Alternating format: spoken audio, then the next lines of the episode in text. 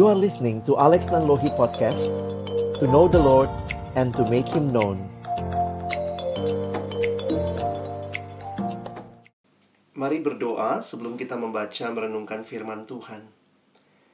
Kami datang dalam ucapan syukur malam hari ini. Terima kasih kesempatan melayani yang Tuhan berikan. Sudah kami lalui dalam tahun pelayanan kami satu tahun ini. Dan kalau sebentar kami akan kembali merefleksikan kebenaran firman-Mu, biarlah juga kembali firman-Mu menyapa kami dan juga menyegarkan setiap kami untuk terus memandang kepada Allah. Waktu ke depan kami persembahkan dalam nama Tuhan Yesus, penolong kami yang sejati. Kami menyerahkan pemberitaan firman-Mu. Amin. Shalom, selamat malam teman-teman sekalian.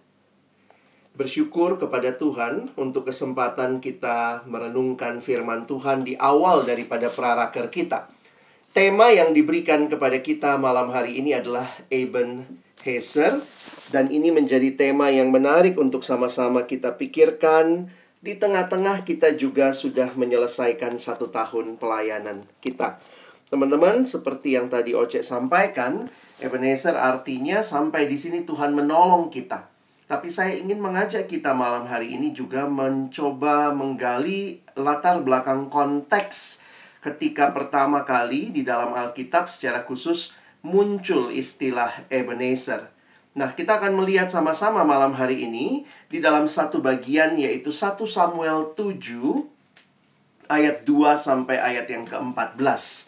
Kalau kita mengerti konteksnya, kita pun bisa memaknainya dan merefleksikannya bagi kehidupan kita. Saya membagi dua bagian ini kalau kita lihat outline-nya. Ayat 2 sampai 9 ini adalah kondisi Israel berdosa dan pemulihan Israel. Sementara nanti ayat 10 sampai 14 itulah bagian Ebenezer. Saya menampilkan juga ada map supaya teman-teman juga bisa sedikit mempunyai gambaran tentang bagian ini. Sejak saat tabut sejak saat tabut itu tinggal di Kiryat Yarim, di mana itu Kiryat Yarim, nah itu di situ ya. Berlalulah waktu yang cukup lama, yakni 20 tahun dan seluruh kaum Israel mengeluh kepada Tuhan. Lalu berkatalah Samuel kepada seluruh kaum Israel demikian. Jika kamu berbalik kepada Tuhan dengan segenap hati, maka jauhkanlah para Allah asing dan para asitoret dari tengah-tengahmu dan tujukan hatimu kepada Tuhan dan beribadahlah hanya kepadanya maka ia akan melepaskan kamu dari tangan orang Filistin. Kemudian orang Israel menjauhkan para Baal dan para Asitoret dan beribadah hanya kepada Tuhan. Lalu berkatalah Samuel, Kumpulkanlah segenap orang Israel ke Mispa maka aku akan berdoa untuk kamu kepada Tuhan. Setelah berkumpul di Mispa, mereka menimba air dan mencurahkannya di hadapan Tuhan.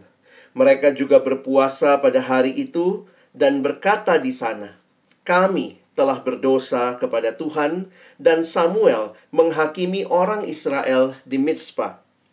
Ketika didengar orang Filistin bahwa orang Israel telah berkumpul di Mispa, majulah raja-raja kota orang Filistin mendatangi orang Israel, serta didengar orang Israel demikian, maka ketakutanlah mereka terhadap orang Filistin.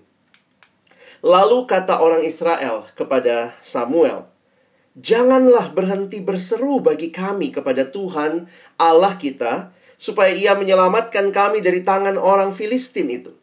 Sesudah itu Samuel mengambil seekor anak domba yang menyusu, lalu mempersembahkan seluruhnya kepada Tuhan sebagai korban bakaran. Dan ketika Samuel berseru kepada Tuhan bagi orang Israel, maka Tuhan menjawab dia. Bagian kedua adalah ayat 10 sampai 14.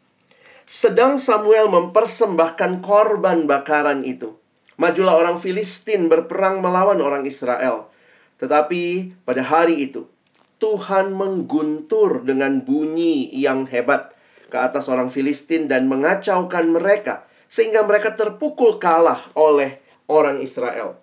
Keluarlah orang-orang Israel dari Mispa mengejar orang Filistin itu dan memukul mereka kalah sampai hilir Betkar. Kemudian Samuel mengambil sebuah batu dan mendirikannya antara Mispa dan Yesana. Ia menamainya Ebenezer. Katanya, sampai di sini Tuhan menolong kita. Ketika orang Filistin itu ditundukkan, demikianlah orang Filistin itu ditundukkan dan tidak lagi memasuki daerah Israel. Tangan Tuhan melawan orang Filistin seumur hidup Samuel dan kota-kota yang diambil orang Filistin daripada Israel kembali pula kepada Israel mulai dari Ekron sampai Gad dan orang Israel merebut daerah sekitarnya dari tangan orang Filistin. Antara orang Israel dan orang Amori ada damai. Teman-teman yang dikasihi dalam Tuhan Yesus Kristus, kalau kita melihat konteksnya, sebenarnya dalam pasal sebelumnya, kita tahu bagaimana tabut Allah itu kembali begitu ya ke kepada orang Israel. Sebelumnya kan di kuilnya Dagon, tapi kemudian palanya uh, ini apa jatuh gitu ya uh, dewa Dagonnya begitu patungnya. Maka kalau kita perhatikan, menarik untuk memperhatikan setelah terjadi bait al, uh, tabut Allah ini kembali kepada orang Israel. Nah, tapi pertanyaannya begini, mengapa hidup umat Israel tetap menderita di jajah Filistin? Padahal perikop sebelumnya kita tahu tabut Allah sudah kembali ke tanah Israel. Itu ada ayat satu di bawah ya. Dan orang Filistin pun sebenarnya kapok menghadapi Yahweh karena dewa Dagon tidak sanggup menghadapi keperkasaan Yahweh. Nah, karena itu pasal 7 ayat 1, lalu orang-orang Kiryat Yarim datang, mereka mengangkut tabut Tuhan itu dan membawanya ke dalam rumah Abinadab yang di atas bukit dan Eleazar anaknya mereka dikuduskan untuk menjaga tabut itu. Kira-kira pertanyaan ini dijawabnya bagaimana? Karena perhatikan ayat 2 yang kita baca tadi. Sejak saat tabut itu tinggal di Kiryat Yarim, berlalulah waktu yang cukup lama. Berapa lama? 20 tahun. Tetapi kenapa dituliskan bahwa Israel mengeluh kepada Tuhan? Bukankah tabut sudah kembali? Nah, ini menjadi pena, pe, pengingat yang menarik untuk kita perhatikan ya. Bahwa penindasan yang mereka alami selama 20 tahun oleh orang Filistin, bahkan setelah tabut kembali kepada mereka, inilah yang menyebabkan mereka hidup mengeluh kepada Allah. Mengapa? Hal ini disebabkan karena Israel tidak pernah sungguh-sungguh beribadah kepada Tuhan. Meskipun tabut Allah sudah balik, tetapi tabut Allah hanya menjadi simbol keagamaan semata-mata tanpa kesadaran bahwa Tuhan menuntut penyembahan tunggal kepadanya. Dan ini memang menarik teman-teman ya bahwa ini bukan kali pertama loh ya mereka mengalami pergumulan seperti itu bahwa Tuhan mau sebagai satu-satunya yang disembah sebenarnya kan mereka sudah belajar dalam sejarah tetapi seperti yang dikatakan seorang filsuf ya eh, bernama Hegel dia mengatakan history teaches us that history teaches us teaches us nothing. Ada yang membahasakannya karena ini kan diterjemahkan dalam eh, dari bahasa yang lain ya. kira kira-kira terjemahannya begini terkenal ucapan dia history teaches us that man learns nothing from history. Wah, ini memang menunjukkan kebebalan manusia, bukan hanya kebebalan Israel. Saya pikir itulah realita yang kembali diperhadapkan kepada kita untuk mari sekali lagi sebagai umat Allah banyak tugu-tugu peringatan sebenarnya yang ada dalam hidup umat Allah yang membawa mereka harusnya sadar sampai di situ mereka apa yang telah Tuhan lakukan. Jadi perikop ini menunjukkan bagaimana mereka sebenarnya masih menyembah dewa-dewa Kanaan. Itulah sebabnya keluhan Israel atas penindasan Filistin dijawab Samuel lihat dengan ajakan ayo bertobat. Itulah ayat 3 ya. Yang kita sudah baca tadi. Teman-teman nanti bisa lihat ayatnya saya taruh di sebelah uh, sebelah dari bagian ini. Jika kamu berbalik kepada Tuhan dengan segenap hati, maka jauhkanlah para Allah asing. Ternyata masih Allah asing ya. Dan memang menarik teman-teman ya, selalu masalahnya dengan Baal, Asitoret, dan dewa-dewa Kanaan yang mana kalau saya uh, mungkin refresh lagi ingatan kita, bagi orang Israel mereka kenal Tuhan Israel T-U-H-N yang huruf besar semua sebagai Allah yang berkuasa atas atas peperangan. Mereka ingat ketika Tuhan mengalahkan Mesir yang menyer, me, me, mengejar mereka. Tetapi ketika mereka masuk ke Kanaan dalam hal pertanian, mereka kayak tidak punya pilihan selain menyembah dewa-dewi pertanian yang memang disembah oleh bangsa Kanaan. Itulah Baal. Asitoret itu katanya istrinya Baal begitu ya. Walaupun Baal itu sendiri juga adalah uh, sekelompok atau sebutan untuk sekumpulan para Allah yang waktu itu disembah dalam bangsa yang politeis. Jadi dalam hal pertanian, mereka masih merasa Yahweh ini kurang jago. Yahweh itu jagonya cuma apa? Cuma bagian peperangan. Kalau bagian pertanian ya serahkan kepada dewa pertanian yang lokal di sini begitu ya. Sehingga kalau teman-teman perhatikan termasuk juga apa yang Elia lakukan dalam satu raja-raja uh, uh, melawan dewa Baal atau nabi-nabi Baal masih ingat waktu itu kan taruhannya hujan turun atau tidak. Kenapa? Karena memang ini dewa dewi pertanian ya. Nah, pertanian itu berkaitan sama hujan ya, makanya ada dewa dewa gu, gun, gemuruh, guntur, thunder gitu ya. Nah, menariknya memang ketika situasi seperti ini, memang teman-teman 20 tahun tuh nggak nggak dikit ya. Nggak nggak sebentar ya. Maka kita melihat bukti bahwa Israel bertobat, maka dikatakan ayat 4, mereka meninggalkan semua Allah mereka, Allah asing itu, itu Baal dan para Asitoret dan beribadah hanya kepada Tuhan.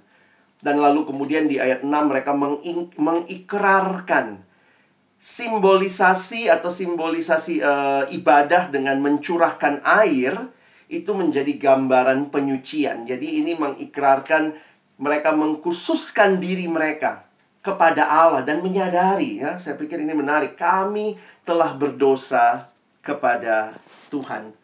Dan singkat cerita kalau kita lihat lanjutannya Tuhan terima ya persembahan kurban mereka. Dan kalau kita lihat nanti di ayat 10 sampai 11 Israel memenangkan peperangan mereka melawan Filistin. Sebenarnya kalau kita perhatikan ini satu hal yang menarik yang saya perhatikan di ayat 9. Jadi Samuel ambil kurban, anak domba yang menyusu, lalu kemudian mempersembahkan seluruhnya kepada Tuhan sebagai korban bakaran dan ketika Samuel berseru kepada Tuhan bagi orang Israel, maka Tuhan menjawab dia. Tapi perhatikan pada saat yang sama, ketika mereka mengikrarkan pengakuan mereka bahwa Allah satu-satunya penolong, langsung nih kejadian ya. Makanya ayat 10, sedang Samuel mempersembahkan korban bakaran itu. Jadi Tuhan langsung nguji gitu ya. Tuhan menguji, oke, okay, kamu sudah bilang percaya sama aku. Ini masih dalam ritual Samuel lagi mempersembahkan majulah orang Filistin berperang melawan orang Israel. Tetapi pada hari itu Tuhan mengguntur dengan bunyi yang hebat ke atas orang Filistin dan mengacaukan mereka sehingga mereka terpukul kalah dari orang Israel. Teman-teman yang dikasihi Tuhan, menariknya begini ya. Salah satu dewanya Baal itu adalah dewa storm ya. Sementara cerita tadi kita tahu bahwa Tuhan secara khusus gitu ya, mengguntur dengan bunyi yang hebat. Sehingga saya kutip kalimat ini ya. One of the Canaanite gods was known as Storm God. It's therefore no coincidence, bukan hal yang kebetulan that God panics the Philistines. Jadi orang Filistin dibuat panik dengan terrifying thunder seolah-olah mengingatkan mereka there is only one real storm God. Nah, jadi teman-teman yang dikasihi Tuhan, kalau kita melihat sampai Ebenezernya, sebenarnya itu bukan cuman oh kita udah nyampe sini ya. Oh, kita udah nyampe. Tetapi inilah sebuah perjalanan menjadikan Tuhan satu-satunya. Dan sampai di sini Tuhan telah menolong kita. Bahkan ketika tadi mereka baru selesai mempersembahkan tantangan itu langsung hadir. Sehingga bagi saya ketika bicara Tuhan adalah Tuhan yang menyertai, ini wawasan-wawasan perenungan yang muncul kalau kita lihat seluruh kisah ini ya. Bahwa Tuhan adalah Tuhan yang memberikan kesempatan kepada Israel untuk pembaharuan. Tentu di sini Tuhan sabar banget sama Israel ya. Dan pembaharuan itu harus disertai, harus diikuti dengan pertobatan yang sungguh-sungguh. Dan kemudian pertobatan itu pun akan senantiasa diuji seperti yang Israel alami ketika mereka menyatakan mereka percaya, mereka sungguh-sungguh kepada Allah, pertobatan mereka diuji. Dan setelah itulah melewati semua pergumulan itu saya pikir barulah tugu batu itu ya stone of help, keyakinan iman bahwa Allah adalah penolong yang sejati. Jadi ini bukan cuma sekadar sebuah batu peringatan. Ya udahlah, udah sampai sini bikin batu ya tetapi apa yang ada di balik kisah ini, ketika mereka mengatakan sampai di sini Tuhan menolong, mereka sudah melewati bagaimana Tuhan-Tuhan lain tidak menolong mereka. Mereka sudah mengalami bahwa sungguh percaya pada Tuhan bukannya hidup tanpa ujian. Bahkan sungguh hanya Tuhanlah yang kita percayai. Teman-teman, pengalaman masa pandemi ini tentu tidak mudah tapi juga mari kita melihat bagaimana Tuhan menolong kita sebagai pribadi maupun sebagai satu pelayanan di perkantas. Jangan-jangan juga ada pertobatan yang harus kita sampaikan ketika kita mengevaluasi pelayanan kita. Mungkin juga kita menjadikan pandemi alasan buat kita bersembunyi di balik kemalasan kita. Alasan untuk kita mungkin punya Allah-Allah lain yang lebih dinikmati alasan untuk juga mengatakan bahwa ya saya I have done my best tetapi ternyata di dalamnya ada bagian-bagian yang harusnya kita bisa berikan lebih baik. Tentunya tantangan-tantangan ini sudah kita lalui ya. Belajar secara online, bekerja secara online, sekarang sudah banyak yang balik ke kantor lagi. Bahkan juga ibadah-ibadah secara online tetapi ke depan, bagaimana kita menyadari bahwa Tuhan yang sama, yang sudah menolong kita, Tuhan yang sudah mengampuni kita, memberikan kesempatan kedua untuk kita kembali bangkit, Tuhan yang sudah membawa kita sejauh ini. Sekarang sudah mulai masuk lagi ya. Belajar sudah mulai hybrid, beberapa wacana ke depan sudah mulai onsite. Ini mesti dipikirin buat kita semua bekerja tentunya ada di di office, ada di rumah, ada hybrid, bahkan ibadah-ibadah pun sudah banyak yang hybrid dan kita sudah juga melakukan ibadah besar dan persiapan segala macam. Ini membuat kita menyadari bahwa Tuhan yang sama.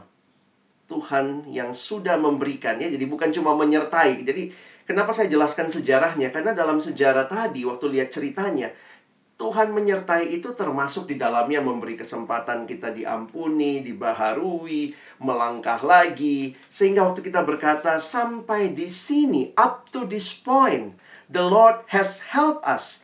Penyertaannya sungguh nyata menjadi kekuatan untuk kita waktu kita memandang ke belakang. Kita bisa maju ke depan dan juga melihat bahwa ini yang harus kita lakukan saat ini. Jadi teman-teman ingatlah Tuhan memberikan pembaharuan dalam hidup umatnya. Karena dia Tuhan yang punya umatnya, dia Tuhan yang punya pelayanan kita. Saya menghayati penyertaan dalam kaitan Tuhan membaharui. Tuhan memberikan tuntunannya senantiasa. Kalau kita bingung ke depan gimana nih hybridnya? Bagaimana? Kemarin PAKJ sudah mulai hybrid gitu ya, eh, effortnya lumayan gede juga begitu kan. Berarti mesti siapin ruangan, mesti siapin alat segala macam. Apakah itu yang menjadi bagian yang harus kita lakukan ke depan? Maka Tuhan senantiasa menuntun kita. Mari kita jadikan Tuhan sebagai Allah yang kita yakini memberikan hikmat, memberikan cara pikir, cara pandang, dan kesempatan prarakar ini kita mengevaluasi juga melihat tuntunan Tuhan. Kita mensyukuri tuntunan Tuhan dan kembali meyakini ke depan bahwa Dia adalah satu-satunya Allah penolong. Teman-teman yang dikasihi Tuhan, perhatikan ya. Notice that Samuel says, Thus far has the Lord helped us. Saya kutip satu tafsiran ini. Ini merupakan sebuah pengingat harian untuk percaya kepada Allah yang sudah menolong dengan bermurah hati dan sebuah keyakinan yang di dalamnya kita yakin dan tahu bahwa Dia akan menolong kita. Menarik melihat gambar ini. Di mana di dalam sejarah kita melihat pertolongan Allah yang sungguh besar dan luar biasa. Saya setuju dengan Tim Chester dalam tafsirannya dia mengatakan the cross is our Ebenezer the great the great declaration of God's help. Di mana tempat uh, di dalam sejarah umat Allah di mana di dalamnya Allah menyatakan dia menolong. Lihatlah salib ya. Jadi sebenarnya Ebenezer kita saat ini uh, bukan cuma momentum, yuk berhenti, ini praraker, lihat ke belakang, ayo merencanakan ke depan. Tapi juga kesempatan untuk kita mengingat, sudahkah benar-benar salib kita beritakan sebagai the great declaration of God's help.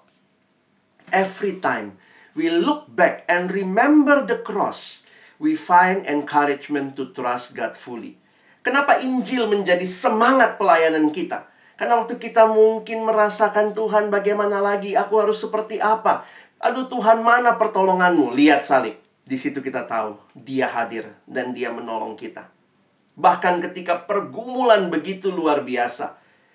Saya pikir kadang kita bikin juga batu-batu peringatan ya dalam beberapa AWG. Coba bikin your Ebenezer. Kita disuruh ada batu tulis, kamu bikin di buku catatanmu dan segala macam. Saya bukan orang yang cukup teliti dalam hal-hal seperti itu ya. Tapi kemudian kalau saya sadar, wah ternyata yang menjadi Ebenezer utama itu salib kok ya. Karena Ebenezer kan mau hanya mau menunjukkan kepada kita bahwa sampai di sini Allah menolong kita dan di mana pertolongan terbesar pernah dia nyatakan di kayu salib. Sehingga teman-teman dan saya cukup ingat salib Kristus ya. When you feel overwhelmed by your problems or when you feel God has abandoned you ketika engkau dikuasai oleh begitu banyaknya pergumulan. Atau waktu kamu merasa seolah-olah Tuhan sedang meninggalkan aku. Or when you feel threatened by the circumstances of your life. Atau bahkan kita merasa terancam dengan berbagai situasi kehidupan. Termasuk pelayanan. Kuncinya look to the cross. Ebenezer. Dan dengan itu, kita pun akan menolong kita untuk melangkah maju ke depan.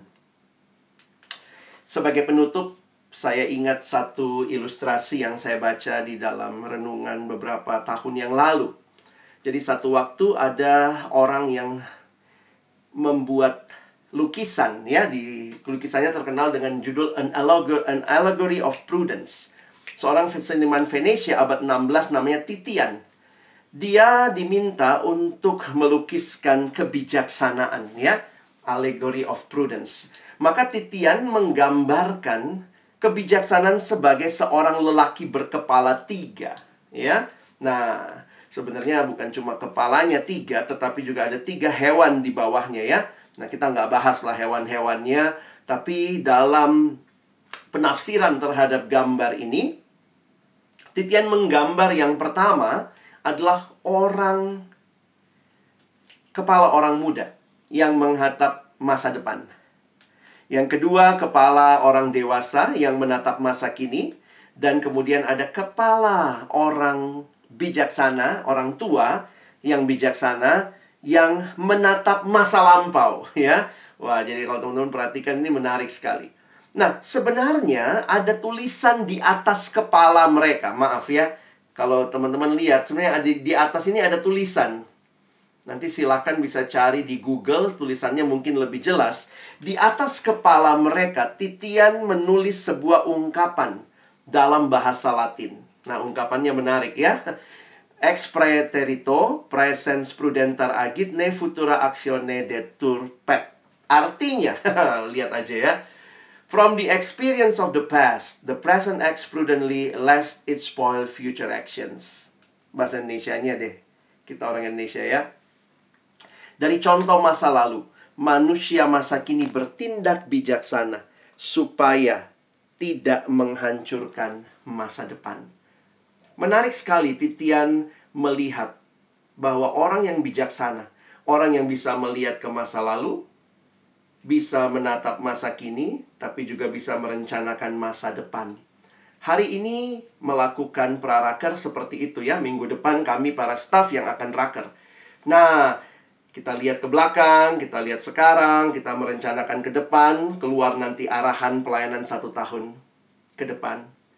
Tetapi gambar titian kalau bagi saya waktu renung-renungkan ya memang gambarnya kan dia disuruh gambarin kebijaksanaan. Ya kurang satu ya dia lihat ke belakang, lihat sekarang, lihat ke depan, tapi dia lupa ya, atau memang nggak dimaksudkan ya untuk melihat ke atas. nah, bagi kita hari ini, pelayanan kita bukan hanya direncanakan dengan melihat ke belakang, melihat sekarang, melihat ke depan, tetapi juga dengan melihat kepada Allah, melihat kepada salib Kristus, dan di situlah kita bisa kembali meyakini sampai di sini Tuhan menolong dan dia bukan hanya telah, dia pasti akan menolong kita ke depan. Sehingga pertanyaan refleksi buat kita malam hari ini dalam akhir khotbah ini. Apakah saudara dan saya juga terus meyakini pertolongan Tuhan bagi hidup dan pelayanan kita ke depan? Kiranya refleksi kita terhadap hidup disinari oleh terang salib Kristus akan menolong kita untuk terus maju melangkah dalam pelayanan perkantas di pelayanan siswa, mahasiswa, alumni buat kita semua para staf, para pengurus komponen. Sampai di sini Tuhan telah menolong kita. Dan itu berarti Tuhan yang sama akan terus memimpin kita. Amin.